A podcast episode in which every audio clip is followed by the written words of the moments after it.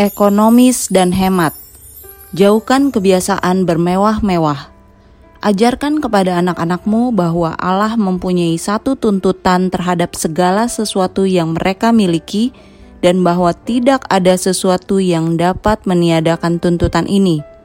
Segala sesuatu yang ada pada mereka hanyalah sekedar dipercayakan untuk membuktikan apakah mereka akan menurut. Uang adalah suatu harta yang diperlukan Janganlah itu diboroskan bagi mereka yang tidak membutuhkannya.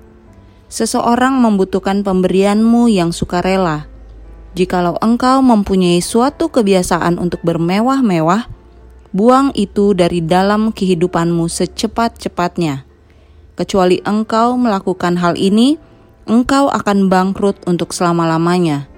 Dan kebiasaan yang hemat, rajin, dan sederhana, sekalipun di dunia ini, merupakan satu bagian yang lebih baik bagimu dan anak-anakmu daripada sebuah mas kawin yang mewah. Didik anak-anakmu dalam kebiasaan hemat. Terang yang diberikan kepadaku sekarang oleh Tuhan ialah bahwa kita harus berhati-hati supaya jangan menghamburkan waktu dan uang kita yang berharga itu dengan cara yang tidak bijaksana. Banyak hal-hal yang boleh jadi sesuai dengan keinginanmu, tetapi kita harus berhati-hati agar jangan mengeluarkan uang untuk sesuatu yang bukan roti. Kita akan memerlukan banyak uang untuk memajukan pekerjaan ini dengan sungguh-sungguh di kota-kota besar. Setiap orang harus ambil bagian di dalam pekerjaan Tuhan.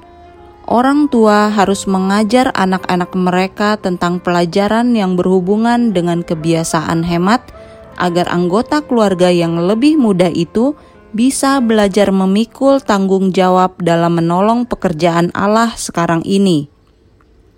Kasih tidaklah dinyatakan dengan cara bermewah-mewah. Biasakanlah dirimu berhemat di dalam rumah tanggamu. Banyak orang mengagungkan dan menyembah berhala-berhala.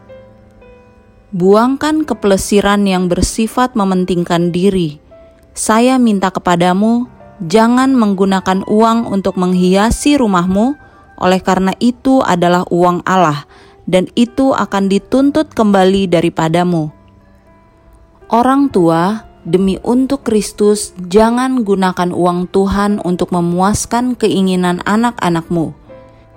Jangan ajar mereka mengikuti mode dan kebiasaan mempertontonkan diri agar memperoleh suatu pengaruh di dalam dunia ini. Jangan didik anak-anakmu untuk berpikir bahwa kasihmu kepada mereka harus dinyatakan dengan cara memanjakan kesombongan mereka, sifat mereka yang suka bermewah-mewah, dan yang suka mempertontonkan diri.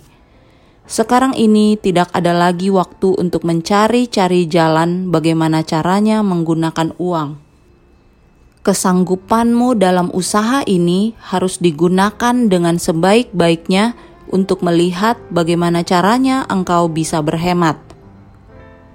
Pengajaran Kristus dalam hal berhemat. Ada satu pelajaran bagi kita di dalam peristiwa memberi makan 5000 orang satu pelajaran yang mempunyai satu pemakaian yang istimewa bagi saat-saat di mana kita ditempatkan dalam keadaan yang menguji dan dipaksa untuk menjalankan penghematan yang ketat. Setelah mengadakan mujizat dan memuaskan rasa lapar orang banyak itu, Kristus amat berhati-hati agar makanan yang sisa tidak terbuang-buang. Ia berkata kepada murid-muridnya, kumpulkanlah potongan-potongan yang lebih supaya tidak ada yang terbuang. Sekalipun ia memiliki segenap perbendaharaan surga, ia tidak mau membiarkan sekalipun sepotong roti terbuang begitu saja. Jangan buang sesuatu yang berguna. Jangan ada satupun daripada hal-hal yang dapat digunakan dibuang Hal ini memerlukan hikmat dan pemikiran sebelumnya dan kewaspadaan yang tetap. Telah dinyatakan kepadaku bahwa ketidaksanggupan untuk menghemat dalam hal-hal yang kecil adalah satu sebab mengapa begitu banyak keluarga menderita kekurangan dalam kebutuhan hidup mereka. Mereka tidak pernah belajar untuk berhemat. Banyak pekerjaan yang harus dilakukan bagi guru itu, dan orang-orang yang sebenarnya sekarang ini bisa menduduki jabatan yang tinggi dalam pekerjaan Allah telah gagal oleh karena mereka tidak pernah belajar berhemat. Mereka tidak membatasi keinginan mereka sesuai dengan pendapatan mereka pada waktu mereka memasuki pekerjaan ini, dan kebiasaan mereka dalam memboros terbukti menghancurkan kegunaan mereka di dalam pekerjaan ini. Bagaimana mengajar untuk menggunakan uang dengan sebenarnya? biarlah setiap orang muda dan anak-anak diajar bukan hanya sekedar menyelesaikan persoalan-persoalan yang bersifat khayalan saja, melainkan untuk membuat catatan yang teliti tentang pendapatan dan pengeluarannya sendiri. Biarlah ia mempelajari penggunaan yang benar akan uang mereka dengan cara menggunakannya apakah mereka mendapatnya dari orang tuanya ataupun mencarinya sendiri, biarlah anak-anak lelaki dan perempuan belajar untuk memilih dan membeli pakaian mereka, buku-buku mereka, dan keperluan-keperluan yang lainnya.